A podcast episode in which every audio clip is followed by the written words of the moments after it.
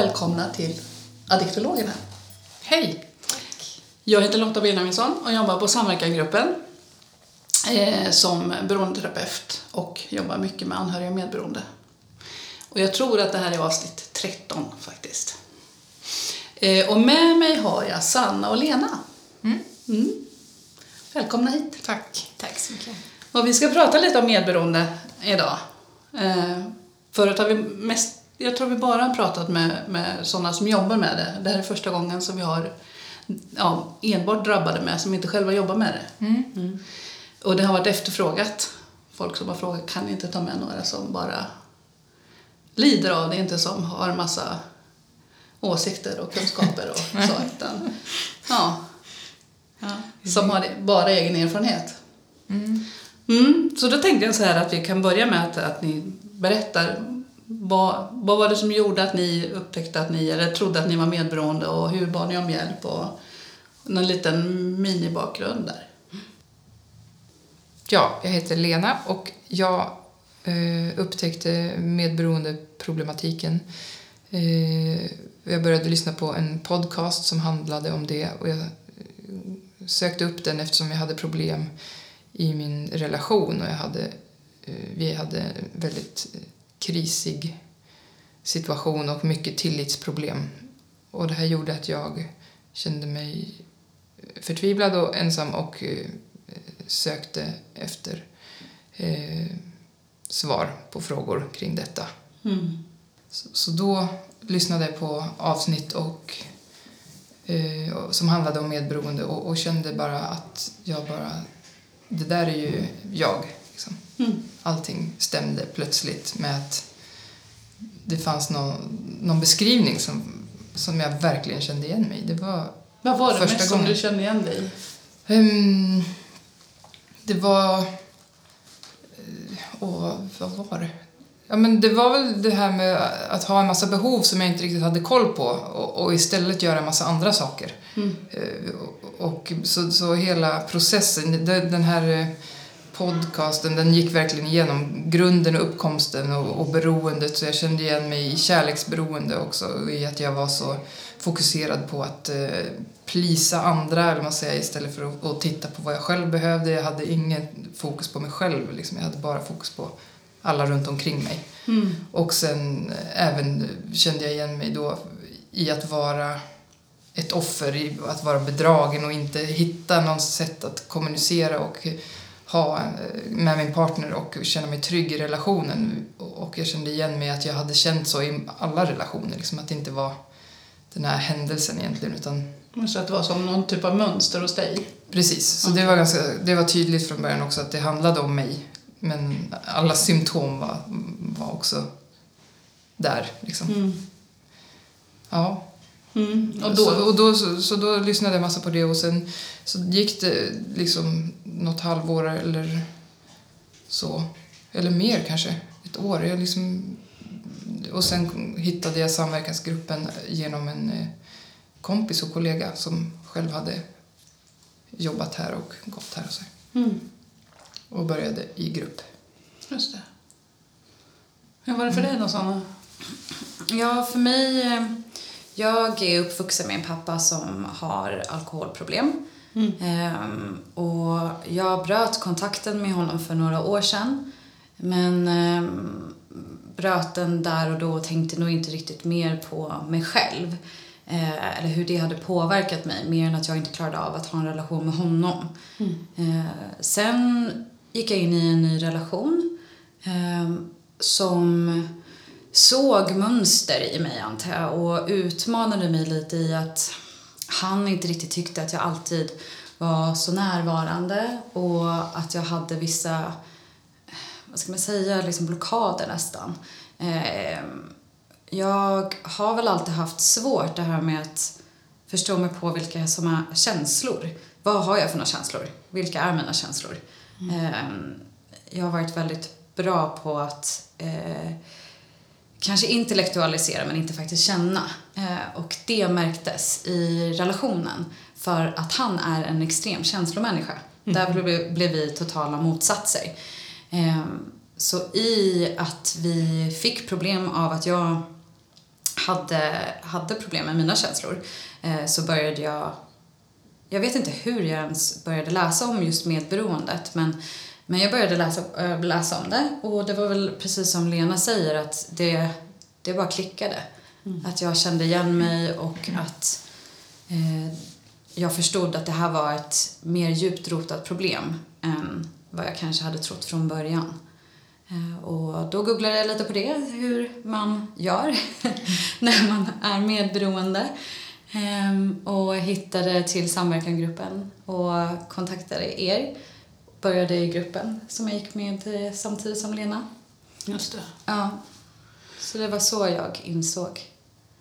Så det var lite så här by chance att ni hittade mm. att det var medberoende egentligen? Mm. Att ni liksom råkade lyssna på en podd eller råkade läsa någonting som stämde överens? Mm. Men om man skulle om man om ni skulle berätta för någon som inte hade någon aning om vad medberoende är, vad skulle ni säga till den personen då? Någon bara frågar, vad är det för någonting Sanna eller Lena? Alltså för mig är det en enorm anpassningsförmåga. Man har lärt sig att anpassa sig efter alla i hela sitt liv, att man har glömt bort sig själv. Ehm, jag hade jättesvårt att sätta finger på vad mina behov var, vad mina känslor var. Men jag var väldigt duktig på att kunna eh, sätta fingret på vad andras behov var och vad andras känslor var. Mm. Eh, så att, och det kristalliserar sig på väldigt många olika sätt men jag skulle säga att det är nästan essensen av medberoendet för mig. Mm. Att du anpassar dig? Exakt. Okay. Mm. Ja, anpassa sig och sen äh, att jag liksom hittar sätt att försöka få det jag vill ha Eh, få mina behov uppfyllda som inte är eh, rakt på sak utan som är eh, utgår ifrån ja, men hur ska jag bete mig då för att få det utan att säga det. Alltså att det handlar om att vara oärlig också utan att säga att oärlighet är en dålig grej eller skamfyllt men att man faktiskt inte kan vara så öppen med, inför sig själv eller för personen man har framför sig. Kanske. Menar du att utan inte. att ens veta själv att du var manipulerande? Ja men precis. Okay. precis. Mm. Mm. Men det är mer en konsekvens kanske. Jag håller med Sanna om ja. grunden i det. Anpassning. Mm. Mm. Är det så för dig också att du hade någon typ av, av eh, överanpassning redan från början? Alltså, Sanna hade ju sin farsa där. Hur var det för dig? Precis, det var ju, för jag, jag har tyckt att jag har under hela min, så här, från tonåren och när jag har försökt räkna ut varför jag känner mig deppig och det kan vara hormoner och det har varit eh, liksom, är det PMS eller någonting men det här som sagt fick mig att förstå mig själv och eh, det handlade om... Det började liksom från början med men varför är jag så deppig? Jag har ju haft det så himla bra. Mm. Men sen så förstod jag mig själv att min familj hade haft det ganska speciellt under min uppväxt och min mamma var ganska mycket ensam ansvarig för mig och mina eh, tre systrar och en annan av dem var liksom svårt eh, handikappad och ja, det fanns inte så mycket tid för att se mina behov. Det var nog mest att haka på liksom. Och min pappa var inte förmögen att vara där och se mig och mina behov heller. Så då, även fast det var väldigt tryggt rent kanske att jag hade skor på fötterna och ett hus och mycket människor omkring mig så var det känslomässigt lite ensamt tror jag. Mm. Mm. Det kunde inte jag förstå och, och se. Liksom, jag hade glömt bort den biten. Det handlade bara om att eh, jag liksom skaka av sig och borsta upp sig. på något ja, sätt, och, mm. och orka med. Sådär och, och strunta i sina känslor. Försöka bara fortsätta och gå på. Mm. Men de kommer tillbaka då och känns som en klump i magen kanske då och då. Mm. Så då förstod jag det. Mm, så din överanpassning, var det mer till din, din syster som handikappad tror du? Och alla som, alla som anpassar sig runt det? det var en, jag tror att det var en stor del. Sen var inte hon så att hon bodde med oss sen dagligdags. Så jag hade, det var en del av det och en del var att räkna ut och hela tiden försöka få tillbaka min eh, pappas eh, liksom, närvaro, tror jag. Också. Just det. Eh, Visst var det så? Din pappa bodde utomlands? Ja, eller? precis. Och han, flyttade, han bodde utomlands från att jag var fem stora delar fast vi var hälsa på. Men sen så skilde de sig när jag var nio och då bodde vi bara med mamma. Så hälsade jag på sådär. Eh, men eh, jag saknade honom även liksom när man träffade... Jag kunde inte bygga upp en relation med honom som jag kände mig nära, tror jag. Mm. I. Ja. Så det var någon slags överanpassning också, eller anpassning till eh, hur du umgicks eller var med din pappa. För att, och så. Det känns som när du berättar att det för att få så mycket som möjligt så anpassar du dig så mycket som möjligt. För att få dina behov tillgodosedda så var överanpassningen det som gjorde att du fick så mycket som möjligt av det du hade för lite av. Ja, precis. Och jag tänker, det är väl någon som, det säger man ju ofta, så, alltså att man är ju medberoende som människa. Man kan väl inte inte anpassa sig i en relation. Det måste, men det handlar ju om att det blir lite för mycket. Det, eller mycket blir- för mycket av det. Och att man helt eh, har saknar förmågan då att eh, anpassa sig ut, till sig själv. Mm. till sina Utan överanpassning handlar bara om andras, om de Mm. andra. Ja, Mm. är det rätt? det, var, det var jag har förstått det. Jag var så här, är det, ja, nej men, så, ja, så är det. Mm. Så känns det. Så, så verkar det vara när man läser om det också. Ja, men precis. Så Eller- överanpassning är ett ganska bra ord Mm. egentligen. Mm. Jo, men det tycker jag. Ehm, Det är, det är den här överanpassningen. För mig har den suttit i hela mitt liv. Jag minns ju inte någon gång när jag inte har anpassat mig om jag kollar tillbaka ifrån där det började med tanke på att det har handlat för mig om en familjedynamik och en stor familjehemlighet som jag var tvungen att och, eh, bära den bördan eh, länge i livet. Men eh, den här överanpassningen eh, som jag har gjort har ju också lett till att jag inte har kunnat eh, skapa en relation med mig själv och en tillit och en trygghet hos mig själv. Så att jag har ju känt mig ganska otrygg. Det är som att jag har fastnat i att vara barn. För att jag fick liksom inte, jag fick inte den kärleken som jag kanske behövde ifrån mina föräldrar. Det var, ehm, det var så mycket som hände som gjorde mig förvirrad. Ehm, och jag visste inte vem jag kunde lita på och jag kunde inte riktigt prata med någon.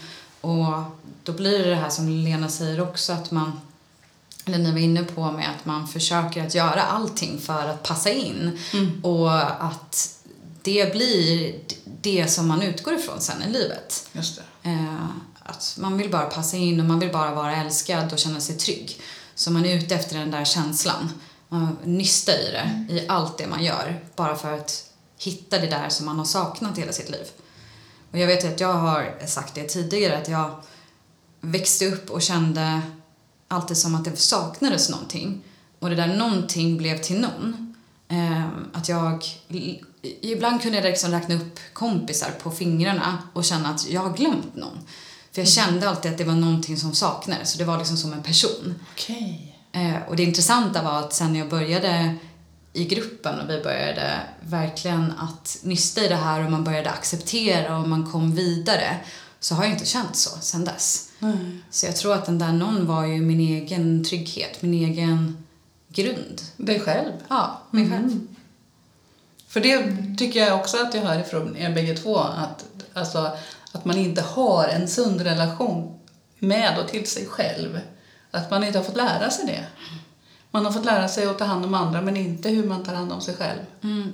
Mm. Jag tycker precis, det är självtilliten som saknas. Och som du sa, man var fast i att vara barn. Liksom. Mm. Och jag tyckte jag upplevde det mycket i relationer, att jag antingen då anpassade mig jättemycket eller så började jag utforska sen när det blev liksom en frustration i det där att jag helt åt andra sidan bara, när jag bestämmer nu liksom. Så jag blir antingen i underläge eller i överläge i en relation. Jag kan aldrig känna mig liksom jämnbördig utan jag måste hålla på och hoppa fram och tillbaka där. Mm. Och precis, inte ha den här grunden i sig själv. Mm. Och känna så här, nej men jag, jag har ju mig själv, jag kan ju reda ut saker. Utan det var någon som jag skulle behöva hela tiden. Som skulle fixa det. Det låter ju så liksom klyschigt. Men det är skönt att landa i att det, det är så enkelt på ett Mm. sätt. Men det är inte eh, enkelt bara för att man kan... Ja, det är en lång Jag väg. tänkte också, många, många pratar om medberoendet som att det handlar om att man eh, är med en person med, som har ett beroende, som en alkoholist till exempel. Mm. Eller så. Och att problemet sitter i den personen, så man plockar bort alkoholisten eller den sexberoende eller den spelberoende så försvinner liksom medberoendet. Hur tänker ni om det? Nej, jag tror inte det funkar så. Faktiskt. Det beror väl på hur länge man har hållit på, men har, man, har det gått tillräckligt långt för att man har blivit medberoende, då, då är det en del av en, en själv, Mm. nästan. Ehm, det här med vad man gör och vad man har gjort för att hamna där i alla fall. Ehm, men sen såklart, för min del, jag, var ju, jag plockade ju bort alkoholisten till slut. Mm. Eh, och det gav ju mig ett utrymme att kunna utforska mig själv. Så det var ju det jag behövde för att lära känna mig själv. Och det tog 26 år för mig att komma till den insikten. Men, ehm, men jag ju, kommer ju alltid ha de här delarna i mig för att det är lite liksom så jag har det är så jag har blivit uppvuxen, det är så, det som har format mig, min personlighet. Jag vill inte ta bort det längre. Det är en del av mig. Mm. Och vi har ju pratat om det i gruppen vet jag, att medberoendet kan man se som, om man vänder på det och om man verkligen jobbar med det så kan man se det som världens superkraft. Mm. Eh, att kunna vara inkännande eh, i vad andras behov är. Eh, att det i viss, i viss form så är det hälsosamt att kunna vara anpassningsbar i vissa situationer. Det kan man nytta av i, i många delar av ens liv. Mm. Så det finns ju vissa delar som är faktiskt ganska coola att kunna bära på. Och hur gör man då för att det inte ska ramla över? För du säger du, det där att känna in andra så. Vad är skillnaden nu då? Vad gör du för att inte till exempel ramla dit och överanpassa dig? Jag tror att det är en medvetenhet främst. Att jag, att, jag har, att jag är medveten om att jag har det här. Jag är medveten om att jag har lätt att trilla tillbaka i medberoendet. Eh, Så att jag vet att jag måste göra vissa grejer för att hålla mig själv balanserad. Hur gör du då för något? Men eh, vi pratar ju om i gruppen om att ta sin medicin. Eh, och det är väldigt individuellt vad man gör för att hålla sig själv hälsosam. Mm. Vad gör du för något? Men jag, eh, jag har min morgonrutin som jag gör varje morgon. Att jag går upp och yogar eller gör någon form av träning. Eh, mediterar, skriver tacksamhetsdagbok. är supernyttigt. Eh, jag har gjort tidigare att vi har ringt ut och pratat med varandra i gruppen till och med efter jag slutat här. Och det är olika sätt att någonstans grunda mig Mm. i att här är jag, det här är mina behov. Och sen handlar det nog mycket om den här mentaliteten att vi har ju blivit luttrade i gruppen med att tänka på utifrån sig själv. Det ju, var ju jättenytt från början och jätteobekvämt att säga första nejet, att säga det första jag behöver det här. Eh, det var ju som, som att man aldrig hade yttrat det tidigare. Så en, en grej i den frågan är att sätta gränser, tänker jag.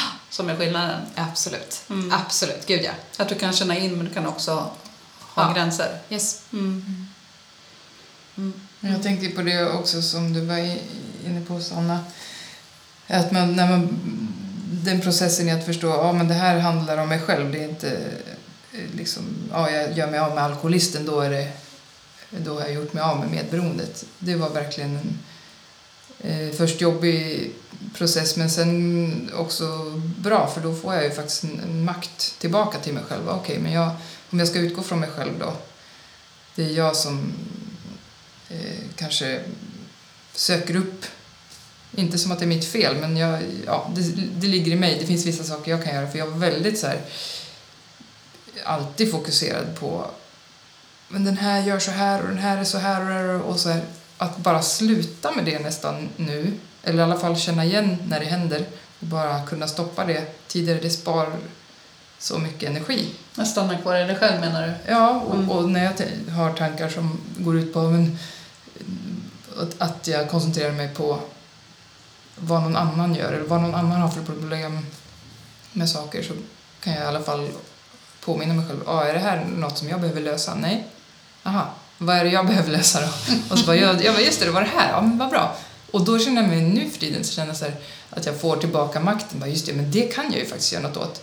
Det här låter ju som halleluja, men det är ju typ det Mm. faktiskt väldigt eh, skönt. Och, det, och sen som du sa Sanna med medvetenheten av att eh, ja, jag har lätt att, att liksom isolera mig och tänka att nu minsann ska jag minsann klara det här själv och nu känner jag skam, men det ska jag inte känna. Känn inte den liksom. Om det bara är i vardagslivet liksom.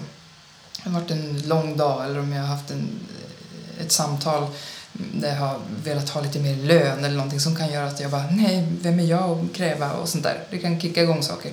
Att jag mer och mer tränar på att känna igen när jag går in i sådana processer och oroskänslor och så här, känn, faktiskt lära känna igen så här, en klump i magen. Och då bara ringa ut eller dela eller skriva ner den och ta hand om den. Inte trycka bort den. Mm. Vad betyder det att ringa ut? Vad betyder det? Ja, ja, men då, För de som inte vet kvar, vad det är för något. Vi har ju kvar den här gruppen faktiskt, så vi kan ringa varann eh, fortfarande och dela. Så det är egentligen faktiskt att skriva ett sms, hej har du tid att dela en, en grej? Eller bara ringa och prova. Ja eller nej, eller ja, vi kan höras om fem timmar eller vad det nu blir. Liksom. Mm. Eller vi kan smsa om du vill. Och då skriver man, eller säger det man känner. Och den andra lyssnar bara. Och så om man vill så kan man få en reflektion tillbaka. Om den andra känner igen sig eller om det är några känslor som väcks hos den andra. Så, och det, alltså jag, det har ju, det funkar ju faktiskt. Jag har många gånger bara tänkt så här, jag gör det nu jag, för att jag ska, men det känns inte som att det kommer hjälpa mig. Mm. Ingenting hjälper mig. Men då gör jag det ändå, ofta nu. Och ibland nu för tiden så tänker jag också, eller ska jag klara mig själv nu? Kan jag lita på mig själv under dagen? Jag kan göra det imorgon. Alltså att jag också Mm. kan välja att skjuta upp det men ändå ha det där och så här. Så att det inte heller blir, jag måste ringa någon nu. Som det har Mm. varit mycket i mitt liv. Att jag, mina vänner har, som i och för sig är fantastiska och alltid har varit där för mig. Men de har faktiskt fått ta en stor liksom, eh, telefonkrismöten ibland. Så. Mm. Och det är väl så man gör som vän.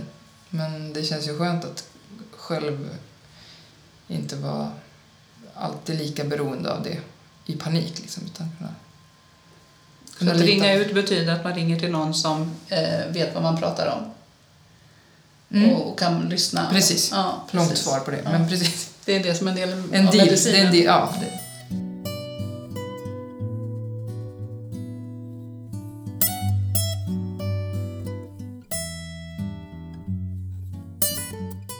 Mm, jag funderar på en annan sak också. Vad, pratar ni med er omgivning om medberoende? Och om ni gör det, vad säger ni då?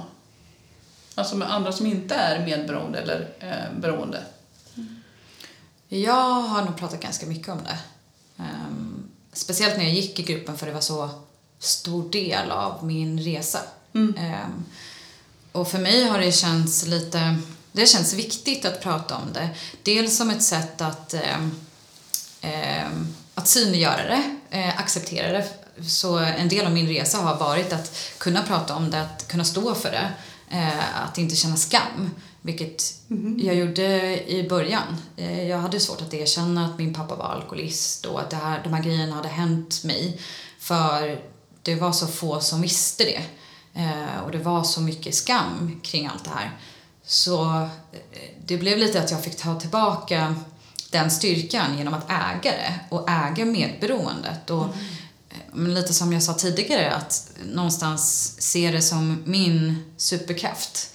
Att jag var menad att bli den här personen och för att bli den här personen så var jag tvungen att gå igenom de här prövningarna och att medberoendet eh, är, har varit en blessing and a curse, absolut. Eh, Men sen tycker jag också att det är viktigt att prata om det för att det finns ju, det är ju en stigmatisering kring både medberoende och kring alkoholism.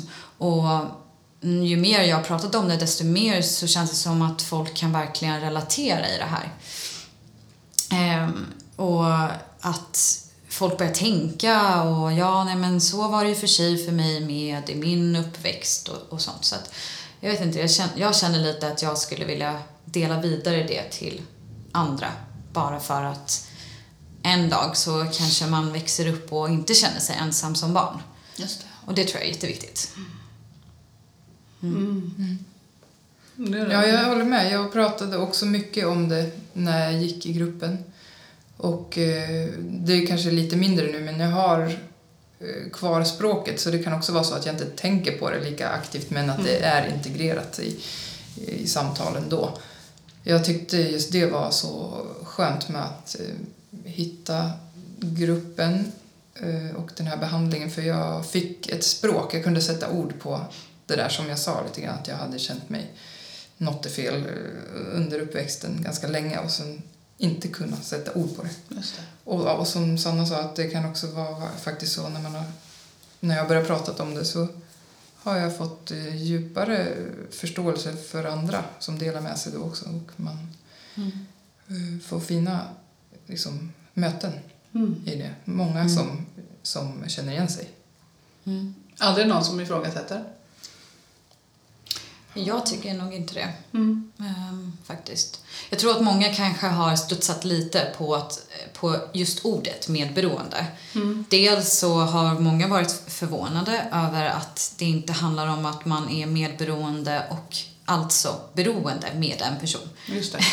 För det är nog det första som folk tänker när man inte vet vad medberoendet är. Just det. Så tyvärr så är kanske namnet i sig någonting som går, jag vet inte, vi, det är inte så, så lätt kanske att förmedla essensen av just medberoendet bara för att det är med och beroende i ett ord. Just det. Eh, Men, eh, men sen så tycker jag ändå att folk har anammat det och känner en, en större förståelse till, till människor. Också människor som faktiskt är medberoende, eh, som de kan se på olika sätt och vis.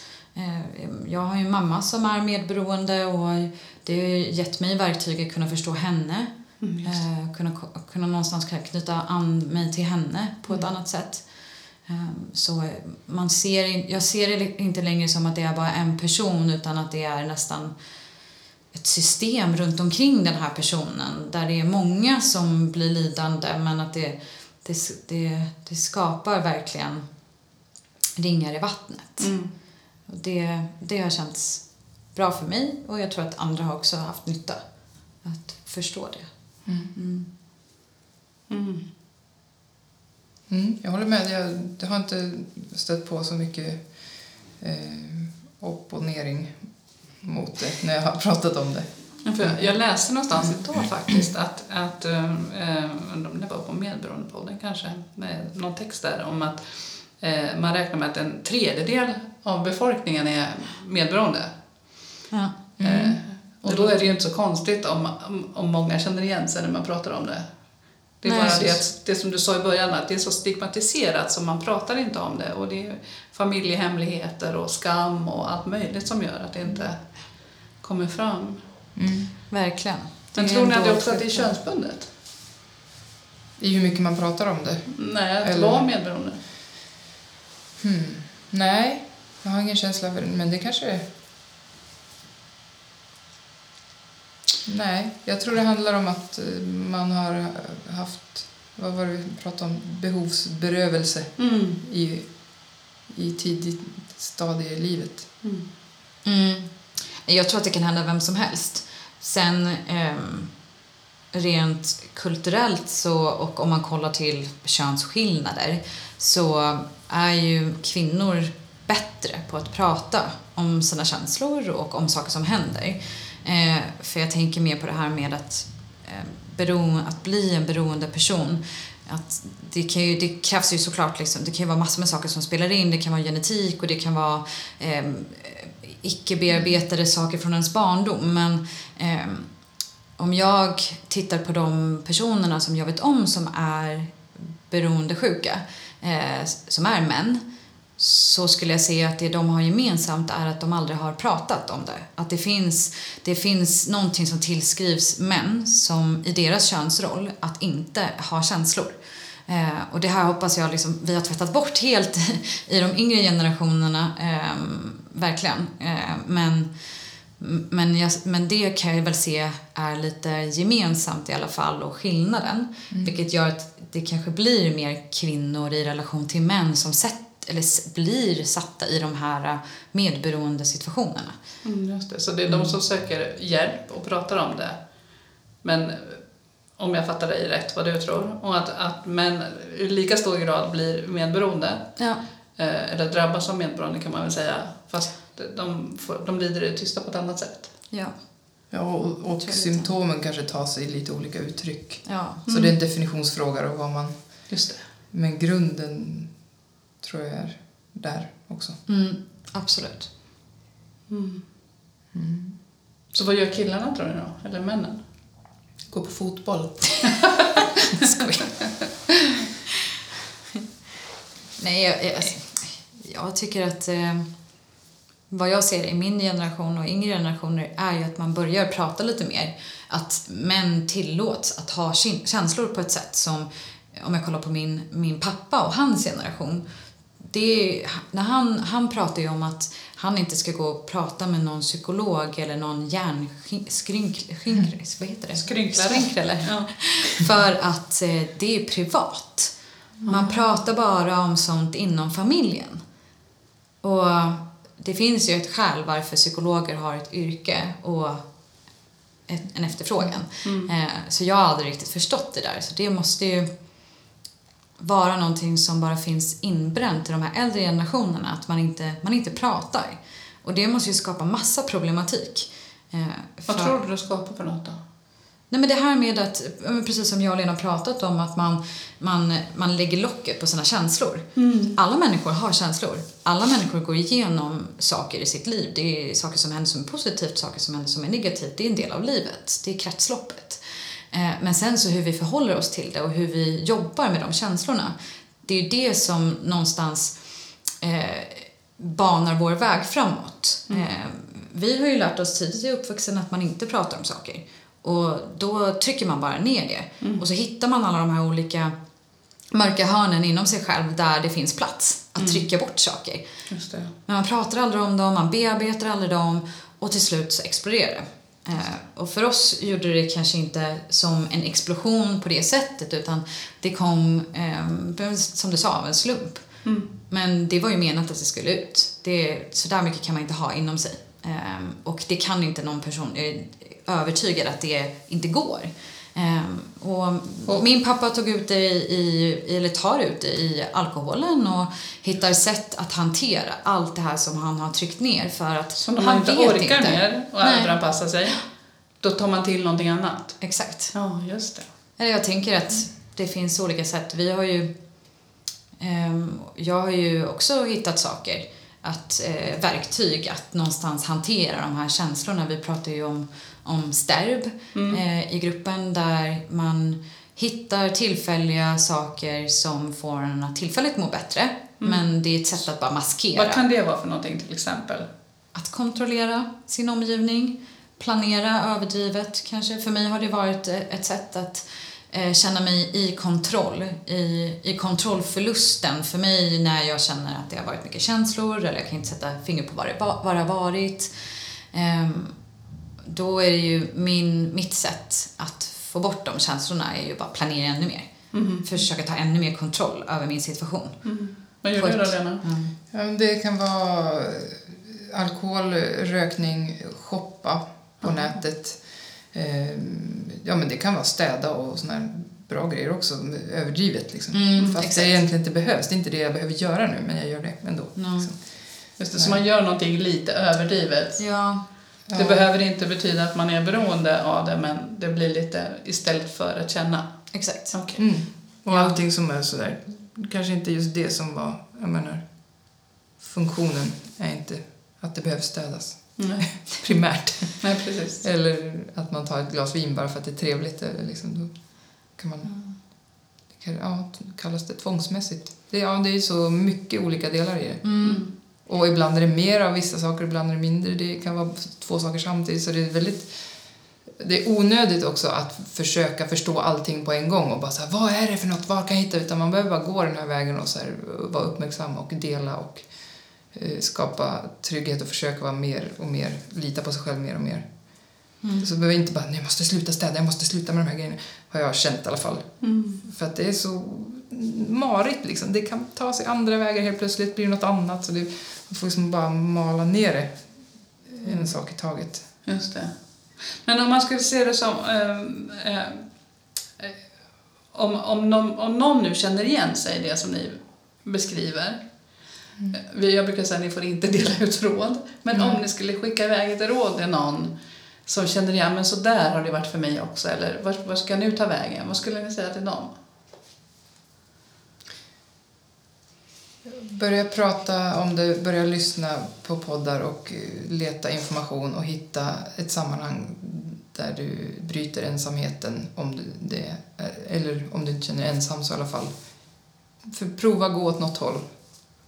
Ta ett steg, ett första steg, så kommer det Mm. förmodligen leda vidare. Liksom. Mm. Men det finns ju massa hjälp att få. Och precis som, som du säger med statistiken så är man ju verkligen inte ensam i det. Utan eh, det här är ju någonting som många går igenom. Och jag tyckte att det var så fint i, i just i gruppen att det mötet som vi hade var att det var så många som kom ifrån olika perspektiv. Det behöver inte vara den här typiska urtypen av alkoholisten som gör att man är medberoende. Utan det kan vara så många olika scenarion och människor som har triggat igång det här. Ehm, och det var så fint för mig i alla fall att någonstans känna att det fanns en acceptans och ett stöd och nästan som ett, ett samhälle. Ehm, där jag kunde få hjälp att sätta ord på mina känslor och på mina tankar.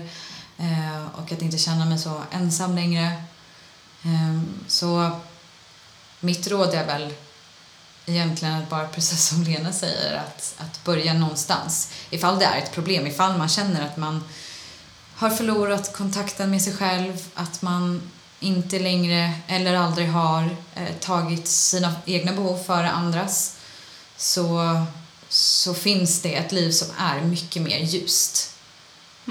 För så känner jag i alla fall efter, efter att ha gått igenom gruppen och så är det som att se klart på ett sätt.